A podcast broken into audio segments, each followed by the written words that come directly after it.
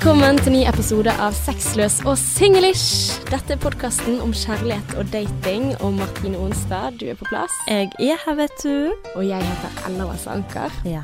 Og i dag så er det en litt sånn spesiell episode, for nå er det veldig lenge siden vi har hatt en gjest. Det er det. Vi gjør jo som regel ikke det, med mindre det er noen som virkelig er verdt å få besøke. besøk. Hvis vi tenker OK, dropp eh, og småpreik piss denne uken, nå må vi ha en gjest inn. Ja. Og nå er det en eh, stor gjest som eh, som eh, ja, har vært aktuell med flere ting. Jeg føler at jeg har et personlig forhold til denne gjesten på mange nivåer. Ja. Ja. Hvordan er det? Nei, jeg er stor fan av Farmen kjendis. OK. ja. Ja, for vi skal faktisk ha besøk av eh, Eli Kari Gjengedal, som er kan jo kalle henne min kollega nå, det er jo helt psycho, med tanke på at jeg har vokst opp med å se henne på TV. Mhm. ja Eh, det også. Ja. Med personlig forhold. Mm, og eh, Norges mest Hun er jo Norges mest kjente værmelder. Ja. Skal du si det? Jo, jeg vil si det. Ja.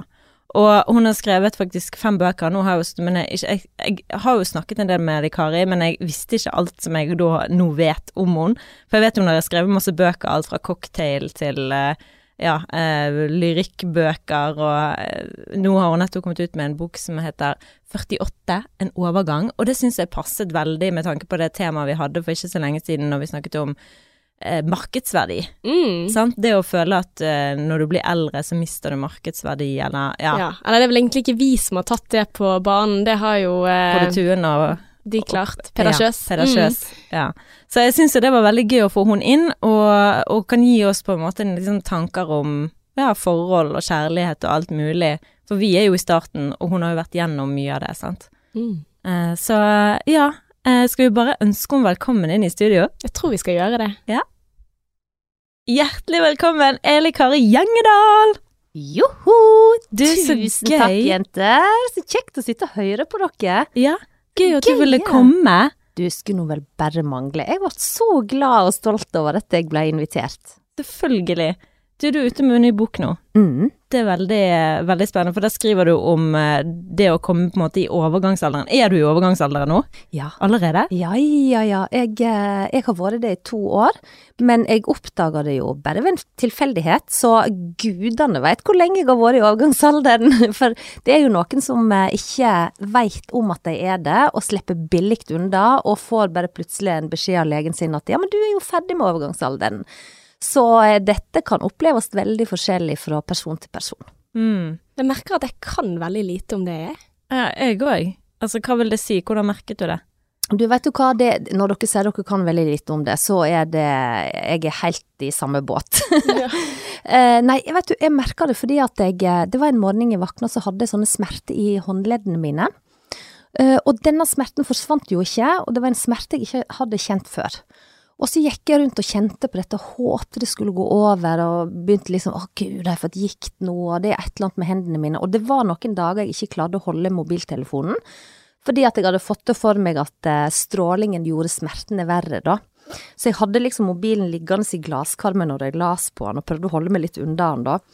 Eh, men så var det en dag jeg var på eh, eh, et sånt lunsjseminar oppe på TV 2. Jeg vet ikke om du var der, kanskje, men det var i hvert fall Tonje Stensland som holdt et eh, foredrag om hvordan du skal få et intervjuobjekt til å åpne seg når en skal snakke om en, eh, et alvorlig tema eller fortelle en vanskelig historie, da. Og da hadde hun et case, og det var en politimann som hadde fått ALS. Og det er jo en tragisk sykdom som du etter hvert dør av, da. Og det er en sånn eh, revmatisk eh, farlig sykdom. Og så ser jeg et lite klipp, og så sier han politimannen i det klippet at ja, det starta med ei rar smerte i hendene. Å, fysj, fysj, fysj. Ja, og det var fysj, fysj. Så da ble jeg kjemperedd. Så gikk jeg rundt og tenkte på dette lenge. Så tenkte jeg ja da, det, jeg har fått ALS, og jeg har sikkert ikke lenge igjen. Og nå må jeg fortelle liksom det til mannen min og, og sånn, da. Og så var det en kveld jeg fortalte det til han. Og så sier jeg til han, du, vet du, jeg må fortelle deg noe. Jeg har fått en alvorlig sykdom som heter ALS, og jeg skal sikkert dø om ikke så lenge. Og eh, eh, du må passe på gutta. Vi har jo to gutter på 14 og 16 år. Og så syns jeg det er litt tidlig for deg å bli enkemann, så jeg syns at du skal finne deg en ny dame. Nei, du sa ikke det. Jo, Og alt dette her før du i det hele tatt har vært hos Ja. legen. Herregud. og det var jo det han hadde som reaksjon òg. Så sier han, men eller Kari, har du vært hos legen?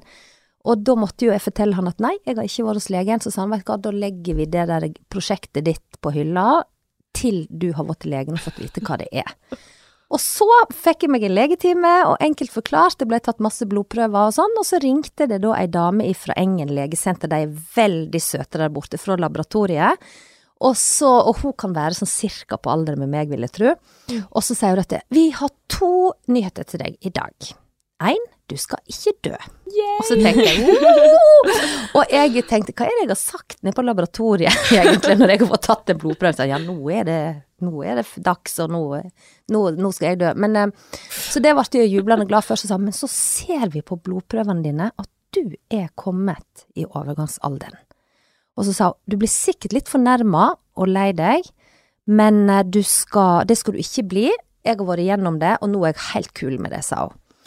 Og det var jo da denne ballen begynte å rulle litt med det overgangsalderopplegget mitt, for jeg tenkte hva for noe?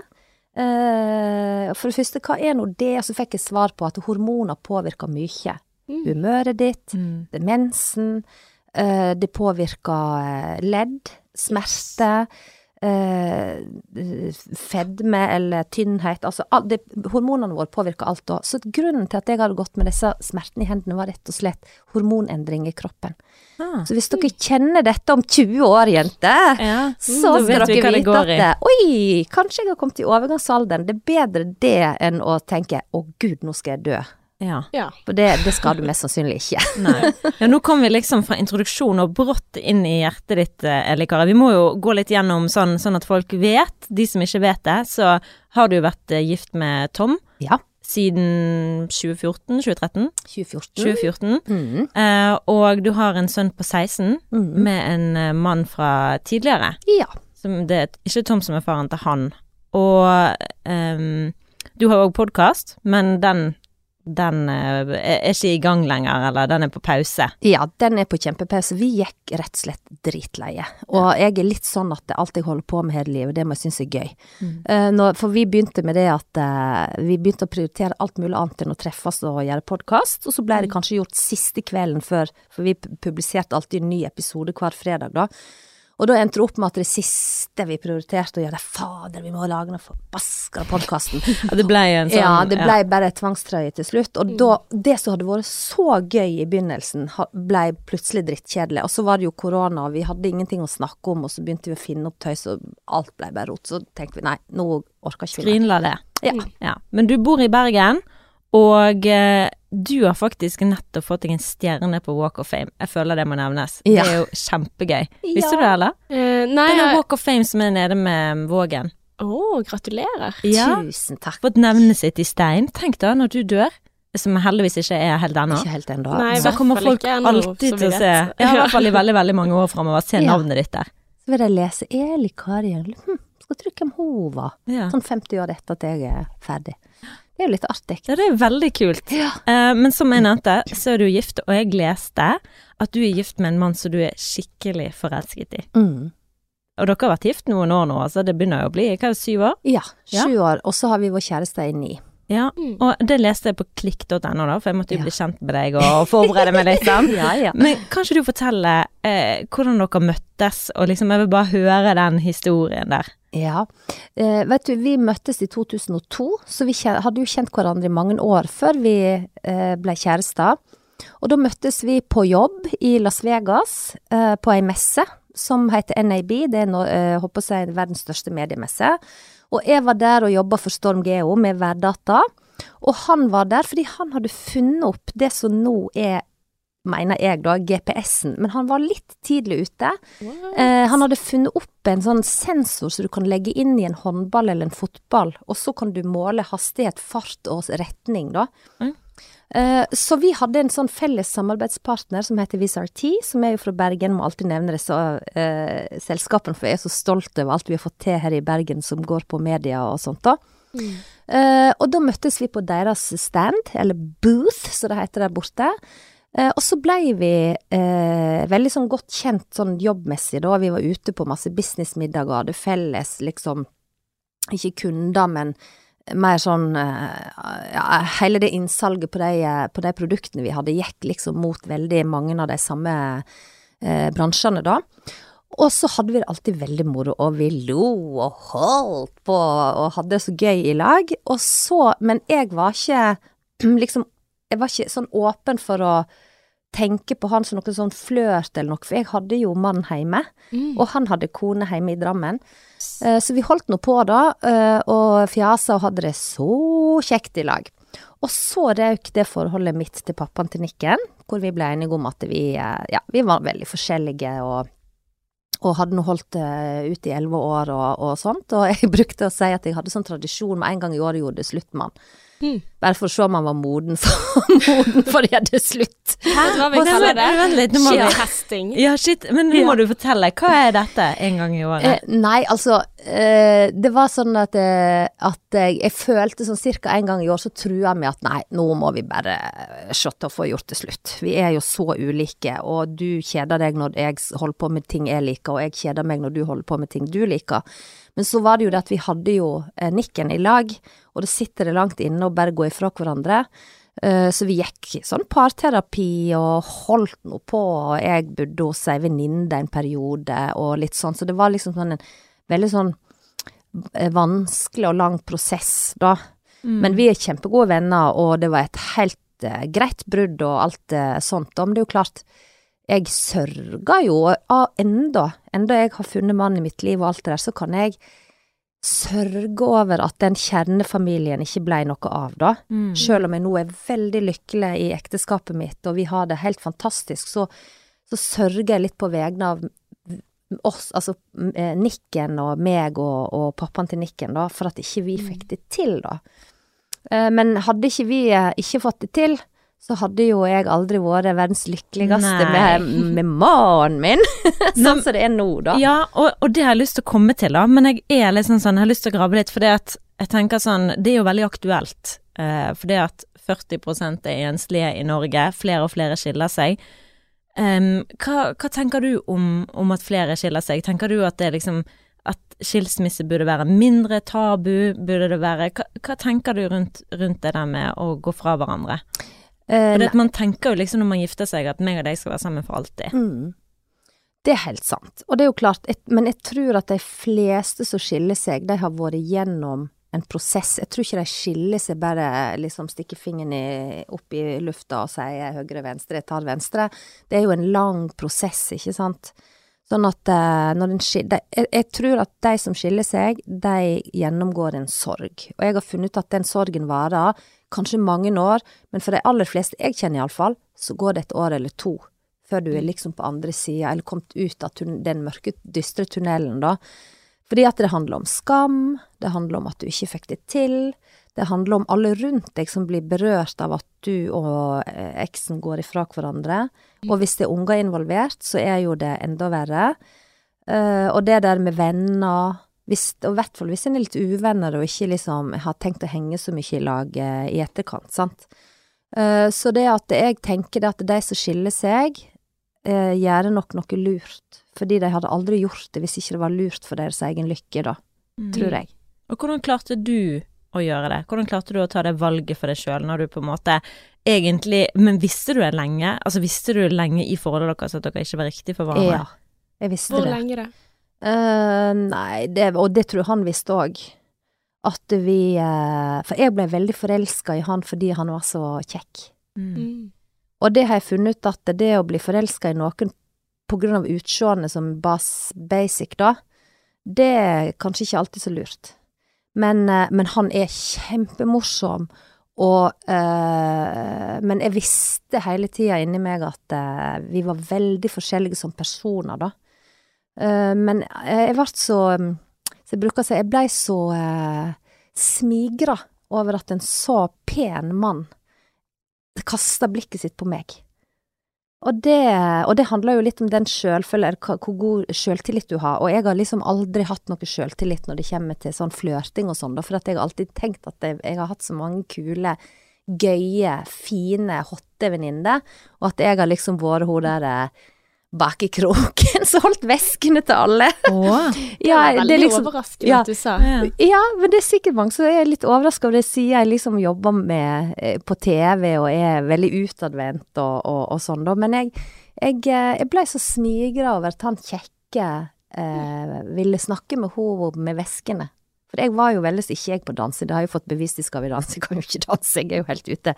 Uh, så derfor så var, ble jeg, veld, jeg ble veldig smigra over det. Men så ble jeg jo kjent med han, og vi hadde det jo kjekt i lag. Nå høres jo det, dette ut som det er helt uh, um, At det liksom bare var utseendet, men det var jo ikke det, Ja. da. Det er jo alltid nyanser. Ja, ja, ja. Og så ble vi i lag, og så skjedde alt veldig fort, og så Men det, det var kjempefine elleve år, herregud. Det er jo Men det er noe du har en eller annen sånn Sånn der eh, følelse inni deg, da. Og eh, etter det ble slutt, og han fant seg en ny, så kom han og takka meg. Så sa han du, nå skjønner jeg, jeg skjønner jo at ikke vi var Oss to var ikke greia. Jeg skjønner det nå, for nå har jo han funnet seg ei som han passer mye bedre i lag med, og som han sikkert er 100 000 millioner ganger mer forelska i, og som de, de har felles interesser og sånne ting, da. Og det, det er jækla viktig. Ja. Men hvordan var det for deg, da, når han fant den nye? Ja, jeg var jo hoppende glad på hans vegne. Jeg ble veldig glad på hans vegne. Sjøl om jeg fremdeles var i den der sorgprosessen, og det tror nok han òg var.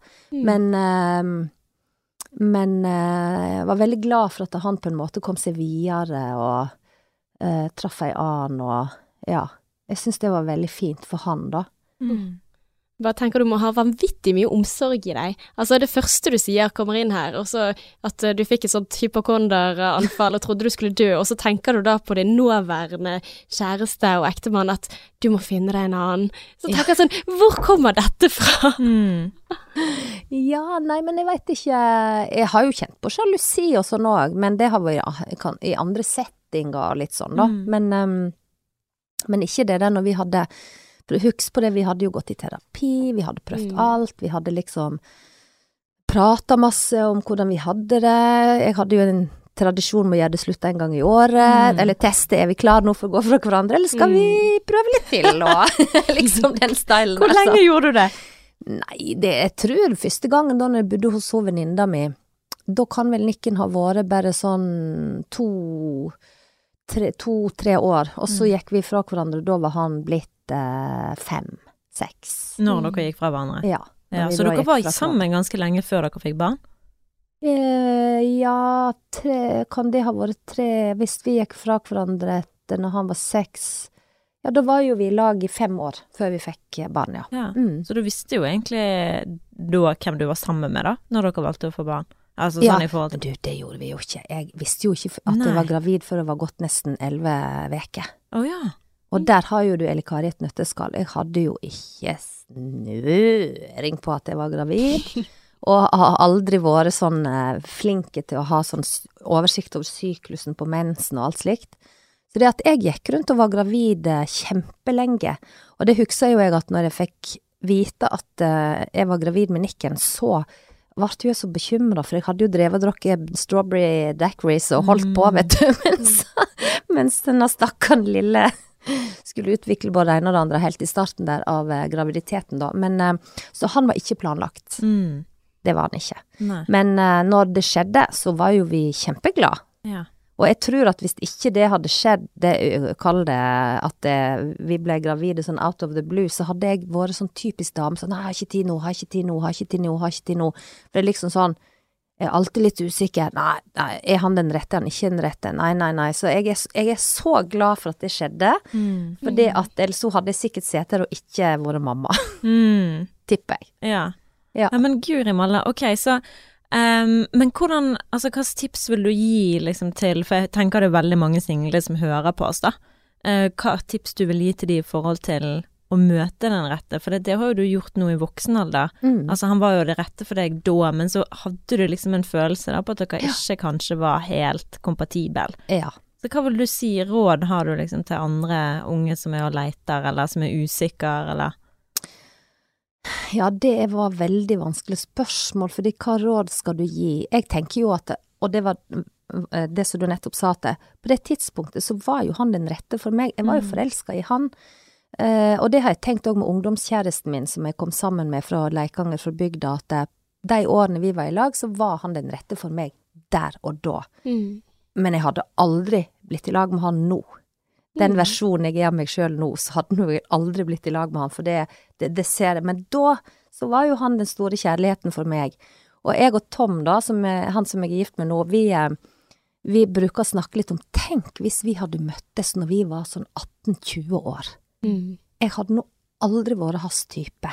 Han hadde ikke snudd seg etter meg, og jeg hadde syntes at han var altfor snobbete og fjollete og østlending, og glem han der eh, typen der, liksom. Eh, Da hadde vi For da var ikke han Han var ikke rett for meg da, tror jeg, og jeg var ikke rett for han. Sjøl om jeg på den andre sida bruker å si Men jeg måtte jo ha kjent noe. Jeg måtte jo ha hatt en følelse, jeg had, måtte jo ha hatt en fornemmelse av et eller annet. Siden han gjør det han gjør med meg nå. Mm. Men likevel, så du var jo venner med han når du var gift. Jeg var jo det. Tenkte du på han altså som noe mer enn en venn da, eller så du på han liksom med ekstra blikk, eller? Nei, jeg, jeg mener jo at jeg ikke gjorde det, for jeg hadde jo eh, samboeren min hjemme, og vi hadde det kjempefint og alt det der sånn sett, men, men ehm, etter jeg og Tom kom i lag, da, så har jo kollegaer av oss som var i lag med oss på jobb, sagt ja, det kom ikke som noe bombe. Det hadde alle hadde sett at vi hadde en helt egen kjemi og lo for ting som bare jeg og han så, og Eh, og, og sånt da, så jeg husker jo når jeg skulle fortelle mine nærmeste kollegaer i Storm at Tom og jeg var blitt et par, da, så, så Det hadde vi visst i hundre år, liksom. Herregud, det kom jo ikke som noe bombe, sant. Yes. Så det var jo litt vittig. Så hvordan, hvordan skjedde det? Altså etter du da Hvor lenge var du singel til du møtte han, eller hvordan, hvordan ble dere et par da? Etter Ja. du gikk fra de menn? Cirka et år etterpå. Um, ja, sånn cirka et år, for vi gikk vel fra hverandre i, eh, november-desember, men så holdt vi i lag i jula, sant, og sa det ikke til noen før utpå nyåret. Uh, og så kom uh, Tom og jeg eh, liksom ordentlig i lag da, på nyåret året etterpå, så det gikk cirka et år. Men det er jo klart, vi møttes jo, og vi var jo på date og sånn. Og jeg husker veldig godt når jeg fortalte eksen at uh, For jeg skulle på en hyttetur på Østlandet med han. Det var seint i august, tror jeg. Og da sa han ja, er du der, skal, du, skal du være der som venn, eller skal du være der som date? Mm. Og da husker jeg at jeg trekte pusten som date. Og da så jeg at han ble litt satt ut. Men samtidig så hadde nå han data litt på ho, kjæresten sin òg, da, så det, det var ikke noe sånn big deal, men jeg så at han ble litt sånn hm. Ja. Mm. Ja, så hvordan, hvordan ble det dere to da? Hvordan, hvordan ble det deg og Tom? Nei, det var vel sånn at jeg eh, Det kom vel ut i media, i Se og Hør eller et eller annet sånt, at meg og Kjetil gikk ifra hverandre. Mm. Uh, og så visste jo jeg at han og kona hadde blitt enige om å ta en pause eller gå ifra hverandre, eller hva det nå var. Og da uh, ringte Tom en dag, jeg rett og slett inviterte meg på date. Han var i byen på, på et eller annet eh, her i byen, og så var han fra Drammen, og så, og så ringte han og sa jeg er i byen, og først så ville han ha en sånn anbefaling på en ordentlig god sånn bergensk fiskerestaurant, og så fikk han det, og så spurte jeg du, har ikke Så med, lyst til å da. være med på en liten date. ja, og Det var jo en fin måte å gjøre det på. Ja. Ja.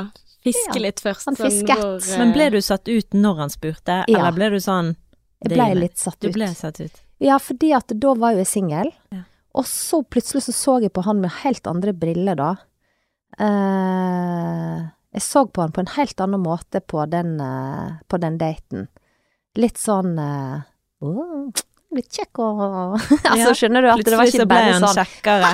Så moro det var med han som gjorde sånn, oh, oh, oh. Ja, nei, her gidder ikke vi være, kom vi stikker og tar en gin, altså, vi var jo veldig sånn gode venner, sant. Mm. Og jeg husker jo det, når han skulle bli pappa, så eh, husker jeg vi eh, for rundt nede i Las Vegas og skulle finne en gave til kona hans da. Ja. Eh, så vi kjøpte en, en griseharry skinnjakke til henne. Sånn. så jeg sa, hva skal nå hun med det som skal trille rundt på ei vogn? Jo, det var kjempe, det var kjempegøy, og da dreiv jeg og prøvde for at eh, vi var cirka like store sånn fysisk da. Eh, så vi var jo veldig, altså ordentlig gode venner. Det var ikke noe sånn der prøve seg på noe, eller det, i det hele tatt. Så derfor så ble det jo litt rart, da. Mm. Og så ja. ja. ja, nei, og så husker jeg når jeg kyss, ky- han første gangen og sånn, og Så det var sånn der jeg tenkte å guri malla, nå håper jeg ikke at du er totalt ubrukelig i senga og sånne ting. Og liksom, liksom et steg videre, da. Men han var heldigvis helt fantastisk. så det var sånn Men Ja. blir du nervøs, da? Altså når du plutselig liksom har en venn som du har kommet så godt overens med, og så plutselig så putter du litt sånn, ja, sommerfugler i magen i miksen. Altså, blir du da nervøs når du sitter der, eller? Litt.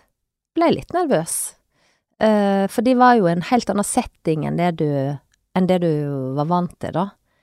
Uh, men det som er fordelen med å bli kjæreste med en god venn, det er jo det at du, du veit jo veldig godt hva den fyren liker eller ikke liker, eller hva han syns er gøy eller ikke gøy. Så vi gikk jo ikke på noen smeller med at jeg overraska han med marsipankake, og så er han allergisk mot mandler, liksom. Mm. Vi har, alle sånne feller så dere har jo vi Jeg inviterer ikke han på en sånn fjelltur med teltovernatting og, og te på termos, for jeg vet det er ikke han i det hele tatt.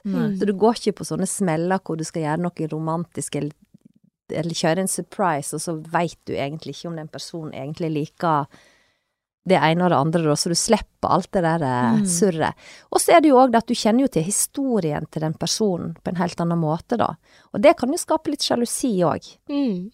Fordi at du eh, eh, Ja, ja, det var hun det, ja, mm, akkurat, ja, liksom, den Mm. stylen der, da. For du har fått vite ting som en kjæreste kanskje ikke ville Mm. fortalt deg om det ene og det andre. Fortiden, ja. Og det liksom å være med og kjøpe inn gave til daværende kone, det også er jo en sånn spesiell ting sett etterpå, liksom. Ja, ja, det er litt rart. Ja. Mm. Men hvordan visste du da, da at han var riktig for deg, ikke bare som venn, men som kjæreste? Nei, jeg er veldig følelsesstyrt. Sånn at eh, det handler kun om følelser. Mm. Det er når jeg ser på han, og så kjenner jeg at hjertet deg. Ja, kjenner det i hjertet og magen og For der gjorde det ikke noe at dere var litt forskjellige med tanke på at du liker å gå i tur og skog og sånn, eller han ikke gjør det, eller er ikke det sånn? Nei, vi er ganske like på hva vi liker. Okay. Men det som jeg har begynt å holde på med, eh, som venninnen min ler litt av, da, det er jo det at han er veldig glad i å stå på ski. Og jeg har heldigvis stått på ski, for jeg er fra Sogn, og vi er oppvoksen med både langrenn og alpint og alt det der. Men jeg har aldri vist som voldsom. Jeg har liksom ikke gått mann av huset for å eh, reise i skibakken, og aldri vært interessert i å reise opp til Geilo ei helg for å stå på ski, eller eh, liksom det, det har jeg ikke holdt på med. Men han er veldig glad i Geilo. Han er veldig glad i å stå på ski. Han er dødsflinke å danse. Han har veldig sånn god kroppskontroll, da, så han danser, han står på ski, han står på snowboard. Du bare gir han hva som helst, så mestrer han det veldig godt. Mens jeg er jo stiv som en stokk og bå, helt ute. Og, men så har jeg liksom, fordi dette er så kjekt for han, da, så har jeg begynt å stå på ski, jeg òg. Men eh, jeg reiser nå vel aldri opp til Geilo for å stå på ski hvis jeg ikke hadde hatt han. Nei. Nei. Men du gjør det for kjærligheten. Ja. Jeg Ja. gjør det for kjærligheten. ja. Du, og, og du har jo skrevet den boken, den må vi jo faktisk eh, nevne. 48. En Mm. overgang. Hva var det som fikk deg til å skrive den? Nei, det var den hendelsen vi innleda med. At Ja. jeg kom i overgangsalderen og fikk eh, det svart på hvitt. Og så begynte jeg å tenke litt over livet mitt. For det skal jeg si dere, jenter, at når du kommer midt i livet, så ja, sant, noen får jo midtlivskrise og identitetsproblemer og gud vet hva. Det får, har jeg sikkert fått òg i en mildere form på et eller annet vis, men du begynner å reflektere over hvor er jeg hen i livet mitt? Er jeg der jeg har lyst til å være? Mm. Um, er jeg den jeg innerst inne er? Um, hvordan uh, tenker jeg det rundt å ikke være ung og lovende lenger, men mer sånn abdisere det dere var inne på, sant, at det med verdien din i forhold til å gi noen et barn, eller være produktiv, eller være ung og juicy, som jeg bruker å si da. Eh, og så begynner du å liksom reflektere litt over det. Og da begynte jeg å skrive små vers i ei bok som jeg hadde med meg i veska i de to siste årene, og så las jeg opp noen av de versene på den tidligere podkasten og sånt, og så var det da en kollega av meg som sa du må jo skrive ei bok, du må samle disse versene og så skrive ei bok, da. Så sånn var det det ble til. Ja, og, og det som du har sagt som jeg har eh, lagt merke til, det er at du er litt sånn redd for å bli eldre. Mm. Kan du fortelle litt om det? Ja, det er um, Kanskje ikke det å bli eldre, men jeg har alltid hatt det vanskelig for å bli voksen. Og altså det å Kjenner meg igjen i det? Ja, samme her. ja. Mm. Det er Mm. vanskelig. Uh, og det handler om et press du legger på deg sjøl, visse forventninger du legger på deg sjøl, og omgivelsene legger på deg sjøl. Og jeg husker da jeg ble 25 år, da følte jeg meg så gammel. Uh, og jeg husker tårene trilla, og jeg hadde jo selvfølgelig invitert til 25-årslag. Hva hadde jeg der? Jo da, det er bursdagshatter, uh, bløtkake med, med sånn seigemenn på, hotdogger, Grandiosa pizza Barnebursdag, da, Barnebursdag bare med, du veit, sprit i geleen, da. Mm. Eh, og uh, det var, ble en sånn veldig traumatisk dag for meg, for da tenkte jeg nå er jeg voksen, og ja, nei, nå må jeg oppføre meg på en annen måte, og hadde veldig store forventninger til meg sjøl. Så var det det der med å skaffe seg en jobb. Hvordan i alle dager skal jeg liksom tjene penger og ha, skape meg et hjem og og når jeg ble mor, da var jo jeg 34 år, så følte jeg jeg bare lekte meg ei lita dukke. Jeg klarte ikke å forholde meg til at jeg hadde ansvar for et lite levende vesen, da.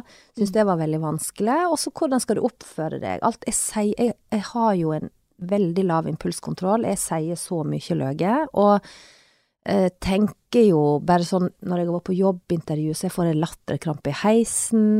Når jeg sitter i, eh, på nyhetskanalen, så sitter jeg og tenker Tenk hvis jeg promper nå? altså, skjønner du. Det, jeg er helt sånn der Jeg er veldig barnslig. Og eh, og det er liksom ikke det du skal være når du er ei 50 år gammel dame, da. Mm. Sånn at jeg har hatt det store Ja, det var vanskelig for meg å bli voksen. Jeg Og ikke å det deg sjøl med alderen, på en måte, ja. da. Og så hvem sier at du ikke skal være sånn når du er 50? Altså, Jeg, jeg, jeg, veit ikke. Kanskje det er bare jeg som legger disse forventningene på meg sjøl, da. Men jeg skjønner jo igjen i det. Altså, jeg, jeg er jo 31 nå, da. Uh, og jeg kjenner jo sånn Jeg identifiserer meg ikke med å være 31. Nei. Hva vil det si? Og jeg føler jo veldig på liksom sånn presset om at ja, nå skal man etablere seg, nå skal det skje. Det er akkurat som om Mm. du ikke tar de valgene, men på en måte du vil jo at det skal skje, Mm. så da må du jo bare gjøre det, for det, tiden renner ut. Ja, mm. det er sant. Det er litt Sant? sant. Du er jo, begynner jo å råtne når du er 25. Etter det så råtner jo kroppen din. Visste du det? Uff. Nei, jeg har ikke hørt om det før. Nei, ja. Nei, Du er i men i råtningsprosess når du er Mm. 25. Er det, nei, men altså, seriøst? Ja, du råtner. Nei. Begynner å råtne da. Jo. Det går nedover er fra som- 25. Det er liksom sånn, denne informasjonen her, er den nyttig? Nei. Um, men eh, ja, så det jeg òg har lyst til, som jeg glemte å gå inn på i sted når vi snakket om din mann, da, det er at dere faktisk bor i forskjellige byer. Ja. Og det er litt interessant med tanke på det vi snakket om i forrige uke. Ja. Det, da var det jo det dilemmaet som ble sendt inn. Ok, han har lyst til å Selv om det er ikke det samme i det hele tatt, men um, for, for lytteren vår sa at hun og kjæresten er fra forskjellig by, og de vet ikke hva de skal gjøre. Men dere er jo voksne og har på en måte vært igjennom den barnefasen, sant. Og her er det, har du et par som ikke har begynt på det. Og da er det jo litt annerledes. Ja. Men dere har altså valgt å bo i forskjellige byer. Skal dere gjøre det for alltid? Å bo hver for, hver, hver for dere? Hvor lang vei mellom de to byene? Og hvor Ja. ofte får dere sett hverandre? Ja. Han bor i Drammen, hun bor i Bergen. Yes. Ja. Ja, nei, vet du hva, vi eh, ser jo hverandre hver veke mer eller mindre. Det er sjeldent at ikke vi får sett hverandre på ei veke. Da må det være noe helt spesielt prosjekt. Mm. Men, eh, men jeg tror nok det at vi har litt eh, Altså, jeg veit ikke, men jeg føler at når vi er i lag, så har, er det jo Tom eller Kari-tid på en helt annen måte enn hvis vi hadde vært i lag hver eneste dag i samme hus, for da blir du liksom ja ja, da tar du noen hverdagslige utfordringer og, og småkrangling sikkert, og sånn litt overhånd, mens når vi er i lag, så er det jo da er, sant, Jeg kommer over til Drammen først og fremst for å være med han, men jeg er jo òg på jobb og sånne ting, da. Men da, da har vi liksom kanskje litt mer kvalitetstid. Da er vi i lag. Mm. Over Eh, kvantiteten. Ja, litt sånn, på en måte. Eh, og det, vi har jo holdt på med det i ni år, og det går kjempefint. Og grunnen til at vi gjorde det sånn, var at jeg har gutten min, og han har gutten sin. Og hvis vi da skulle finne på å flytte til, til en av byene, så hadde jo vi Det blitt veldig dumt for ungene våre. For da hadde det blitt en sånn flyr alene-gutt i en eller annen retning.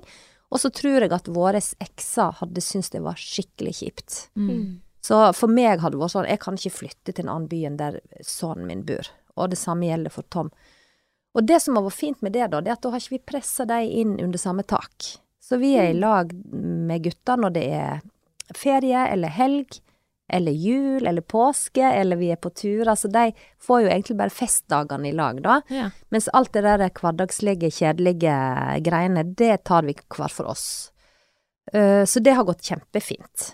Mm, Men så er det jo det da når gutta blir store og Ja. flytter ut, så blir nok sikkert jeg mer på Østlandet. Ja.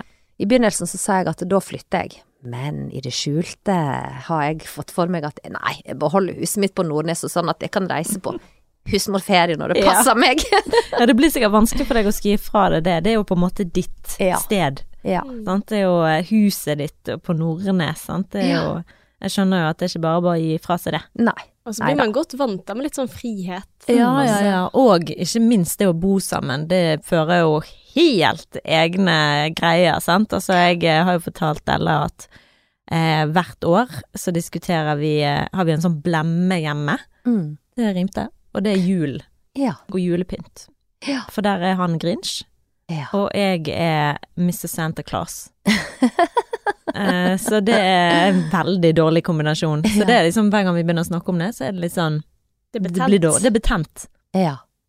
Så jeg bare sånn, jeg tenker sånn det å, å bo hver for seg, da har jo du den friheten til at du kan ta den interiørstilen du vil ha, han har sin, men eh, så må dere etter hvert da kanskje endre litt på det. Men det går, går jo sikkert fint, dere er jo Ja bestevenner og Ja, ja, ja, det går fint. Vi liker å ha de begge to, så vi har ikke, når det kommer til julepynt, så er vi helt enige. Ok, ja, men det er bra. Da slipper dere den. Men, Ja. men hvilke tips, altså sånn i forhold til hvordan du Dere har jo vært sammen i ni år, da. Hvordan Mm. vedvarer dere den, hvordan klarer dere å holde romantikken i livet? Du sier du er fremdeles forelsket. Ja. Det er jo ganske unikt å være forelsket etter så lang tid. Ja, men så er du kanskje forelska på en litt annen måte, for du mister jo litt den der spenningen med eh, Som er i starten av en forelskelse, da. Men jeg tror nok det hjelper på det at ikke vi bor i lag 24-7, og at vi er litt ifra hverandre innimellom, og passer fint. Eh, og så tror jeg at eh, jeg er veldig sånn å mimre. Hva var det egentlig som gjorde at vi kom i lag? Hvordan var den første gangen vi var på date? Eh, og så spør jeg han, husker du det, ja, jeg husker det veldig godt, sier han. Og så kan vi sitte og prate om den der, ja, tenk at vi gjorde det, og herregud, og liksom sånn, at vi tar opp igjen og snakker om, slik at du finner tilbake igjen til, til, til grunnen for at du kom i lag, da. Eh, og så er vi flinke, veldig flinke til å kose oss, og det, men det er jo litt sånn, jeg ser jo på venninnene mine som ikke har gått ifra barnefar. Eh, de har ikke den fri, vi har jo en enorm frihet med at det, halvparten av tida har ikke vi unger. Mm. Og da pleier jo vi oss sjøl og våre hobbyer og greier og, og sånn, og da har vi sånn det vi kaller Nei, nei, da, nå er det Tom eller Kari, vi kjører våre egne fester. Da har vi eh, Da kjører vi flatt jern på det vi liker best. Musikken vi liker å høre på, den maten vi liker. Vi gjør de samme tingene, og folk tenker jo sikkert at vi er dørgende kjedelige på en måte, for vi gjør de samme tingene hele tida. Men det er jo for at vi bare elsker å gjøre det. Ja. Hva er det dere elsker å gjøre sammen? Åh, vi elsker å spille musikk, og så synger vi karaoke, eller jeg synger, han spiller gitar. Det er ikke kjedelig. men det det er er veldig gøy. gøy. Er gøy. Og så snackser vi, vi elsker snacks og tapas, og de samme vinene, og så sitter vi og preiker og planlegger og ler av de samme vitsene. Altså, vi, vi gjør jo egentlig bare det vi har gjort siden dag én, da. Eh, Fordi vi er så glad i å holde på med det. Vi, Men musikk har vi veldig masse glede av, begge to.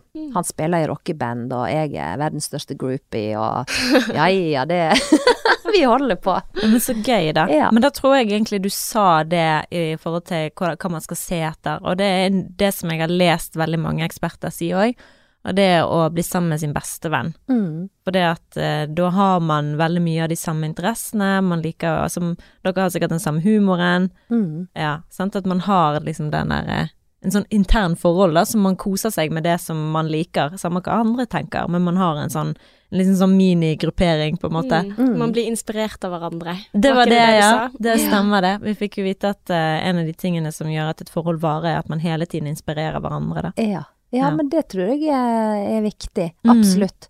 Og så er det det der hvis du tenker du har ei bestevenninne, sant, eh, som du kan sitte på kafé med i 100 år, og sitte bare og slarve og preike. Du kan òg være stille med den personen, og så utvikle en eh, sitt eget vesle stammespråk, som er veldig internt. Mm. Og det er jo sånn som jeg og Tom òg. Vi har ord og uttrykk, så, og så gir vi dem til hverandre. Ja, du, det, det, var litt, det var litt gøy uttrykk. Kan jeg få lov å bruke det òg? Ja ja, det kan du. Her, jeg skal få det ordet av meg. Ja, Vær det- så god. det har vi hatt en egen episode på, fordi vi med Adrian snakker litt sånn babyspråk til hverandre, Ja. og det er liksom skal vi gå do-dusj, ja, vi skal gå do-dusj og do-do-do-dusj, do-do-do-dusj. Og det betyr at vi skal gå og legge oss. Ja, ja, Ja, ja. det er afrikansk. Ja. Men eh, eh, det har jo vært en debatt eh, nå om markedsverdi. Har du fått med deg den? Ja, jeg har uh, fått det med meg, men jeg har ikke fått liksom med meg alt av detaljer. Men jeg har jo fått med meg at det var jeg vil høre din mening om dette her. Hva tenker du? Er det sånn at vi mister markedsverdi? Eh, hva tenker du om hele debatten sånn i sin helhet? Mister vi markedsverdi jo eldre vi blir, eller hva? Ja, det kommer jo veldig an på hva marked det er vi snakker om, men eh, hvis det er på Datingmarkedet. dating ja, så gjør den det. Helt klart. Hva, hva tenker du om at det er så mange som reagerer på, på Frode Tuen og Peder Kjøs, da? Eh, nei, det handler jo om at eh, kanskje en misforstår litt det de mener. Uh, fordi at du mister jo ikke markedsverdien din i form av at du er Mindre verdt. Nei, Ja, du er ikke mindre verdt. Det er bare det at på datingen så herregud, jeg hadde nå for suttan gjort det samme sjøl. Jeg hadde valgt en juicy dame på 28 Jeg framfor hun tørre tøtta på 50.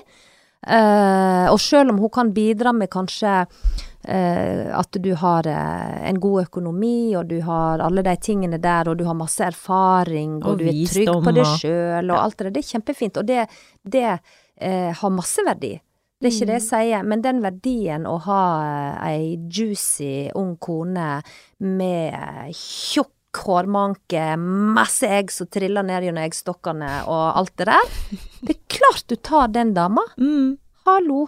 Ja. Så, eh, men jeg tror det På at overfladisk plan, sant. For de snakker jo om markedsverdi i form av attraktivitet, og ikke liksom Ja. Ja, hvor attraktiv er du med eh, fruktbarheten din, da? Og du kan ikke sitte og være 50 år midt i overgangsalderen uten mensen og si at du er like attraktiv som hun med den kjøttfulle rumpa med 40 egg liggende klare og kan pøse ut unger hvis det var det. Mm.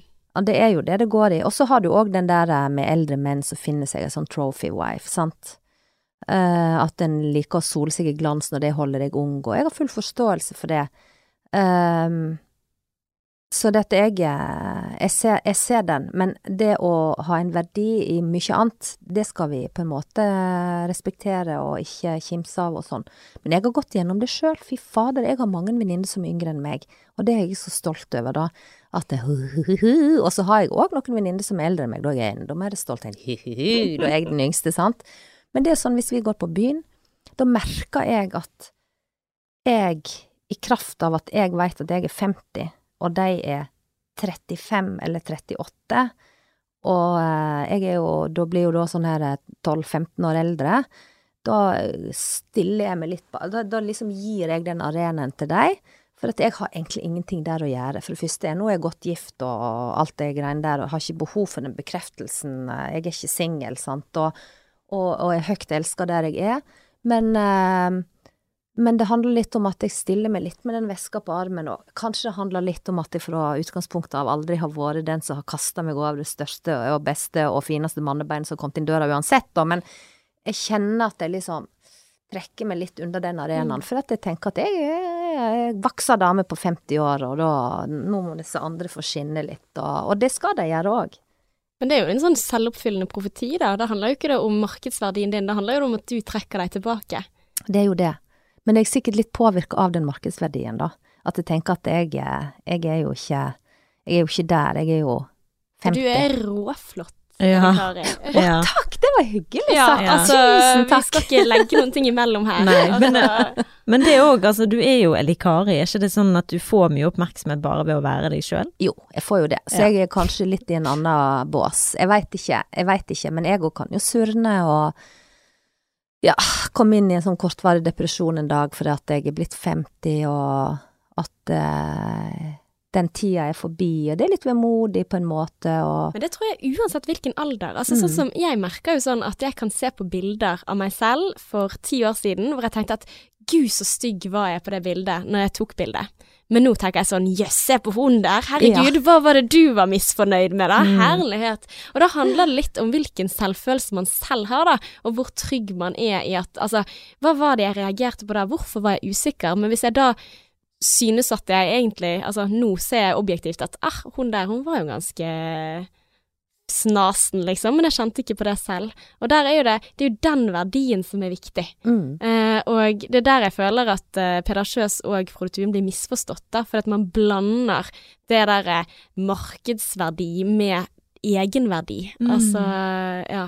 Jeg er Så helt det- enig med deg. Det, jeg er helt enig. En forstår ikke helt hva de mener, eller Og så er det, Det kanskje litt litt sånn, og kanskje liksom i forhold til den artikkelen som ble skrevet om Monica på 49, sant. Altså kanskje ikke det er det man skulle fokusert på da, for å hjelpe henne å få kjæreste, med tanke på at eh, ved å fokusere på den markedsverdien, eller oi, jeg er ikke 20 lenger, så får man kanskje da dårligere selvtillit, som igjen fører til at man da trekker seg tilbake, sånn som du snakket om, Mm. eh, Eli Kari, sant. At da, da blir det selvoppfyllende, da blir det det, den sannheten du forteller til deg selv, at å ja, ja, jeg må huske at jeg ikke er 20. Herregud, det vet Monica på 49 fra før, tror jeg. Mm. Så jeg tenker jo at da må man spille hverandre god, og det er kanskje det som var den fellen de gikk i da, at kanskje de skulle, ja, ikke tatt opp det poenget akkurat i den settingen der. mm. Mm, for Ja, da, ble, ble hele budskapet at hun måtte bare jekke ned forventningene sine, for hun var jo kjempelangt nede på, på markedsverdi. Ja, og det er jo Og det er jo, ikke nei, og det er jo feil, Mm, sant, å, mm. å tenke på den måten, eller og, og at hun skal gå rundt og tenke på den måten, for det er Ja. akkurat som du sier, at uh, din egen verdi skal ikke ha noe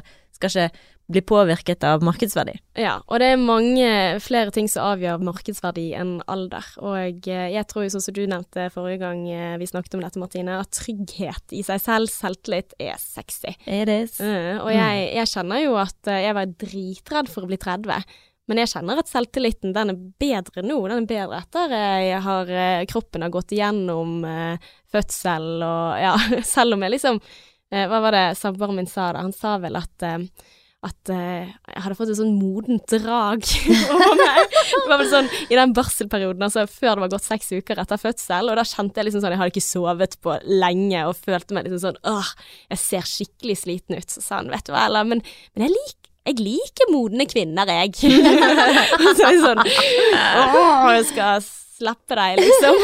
men jo, men det er det jeg Ja, det er der jeg skal, og ja, det er Ja. Skikkelig bra. Mm. Ja. Vi kan ikke fornekte at vi blir eldre, liksom. Nei da, det, det blir jo alle. Mm. Og alle blir på en måte, jeg må ikke glemme at alle, blir, alle rundt deg blir jo eldre òg, sant. Ja, Mm. de, Det de liksom kommer jo, i- de òg, så selv om de er unge nå, så skal de òg samme veien. Mm. Ja. Og det er ikke eh, George Clooney hele gjengen, sant. At de har sjans på 20-åringene. Nei. Mennene tenker riktig. du på. Mm. Mm. Nei, men du, da skal vi ta oss og runde av denne her episoden her, og bare oppfordre alle som har lyst til å lese en artig bok. Jeg kunne ønske du hadde den med deg nå, ja, søren, vet du Ja. hva, det skulle jo jeg hatt. Men Ja. har du et vers vi kan avslutte med? Eh, du, du, du, du, du, du. Ja, det har jeg. Nå skal vi se. Teknologien springer så mye fortere enn det jeg gjør. Det er introen til verset, da. Og så kommer verset. Prøver å følge med på ny teknologi. Jeg er en kløpper på Snapchat og god på SoMe. Tvitrer om alskens aktuelle saker, men liker fremdeles snittar og napoleonskaker. Jeg henger fremdeles etter. Det var det. Kult. Det Ja, var herlig. veldig bra. Ja, veldig gøy. Og det er det jeg det er sånn liker. Jeg så det eh, innslaget på God morgen Norge, sant, hvor du òg leste et par eh, dikt. Og det er sånn, du er så ærlig på en Og dette kommer til å rime. Ærlig på en herlig måte, da. ja, men for du har liksom snert i, i de tingene som du har lyst til å formidle, sant. Altså du, og du tør å nevne døden, og du kan le det opp i trynet, sant. Altså det Ja da, jeg, og den boka er jo eh, eh, det, det er jo en veldig personlig bok. Mm. Eh, sånn at den, de andre bøkene jeg har skrevet, handler, har jo handla om et tema. Altså, jeg Mm. har cocktail Jeg har faktisk en skjønnlitterær bok fra før, men det er jo Karl Oskar i hardt vær. Det er ei barnebok. Eh, og så mens de andre har jo handla om vær, eller vann. Mm. Så dette handler jo egentlig om Eli Kari Mm. eh, i ei slags diktform, med en liksom forhåpentlig liten eh, eh, sånn humoristisk eh, punchline på slutten, da. Men eh, Så da skriver jeg om alt mulig eh, av greier. mm, Og livet og hvordan du Ja, Hvordan jeg ser på ting, og yngre jenter, og alt det der greiene der. Mm. Ja. Nei, men det er bare til å finne den eh, fram. 48. En overgang. Nei, Ja, det var det var En riktig. overgang. Ja, Mm. da har vi Veldig det. bra, Martine. Men tusen hjertelig takk for at du kom her i dag. Ja. Og nå siden du ikke har podkast videre, så er du hjertelig velkommen tilbake igjen. Jeg tenkte dette her var skikkelig stas å ha deg her. Det var det. Tusen takk. Ja, jeg føler jeg ikke har klart å stille alle spørsmål jeg lurte på heller, for man mister jo ting underveis, sant. Ja. Men eh, ja, nei, det har vært eh, veldig inspirerende å høre deg prate og fortelle om den store kjærligheten. Tusen takk for at jeg fikk komme, og jeg kommer gjerne tilbake. Mm. Og vi er tilbake igjen om en uke, Martine. Det er vi. Until next time. XOXO.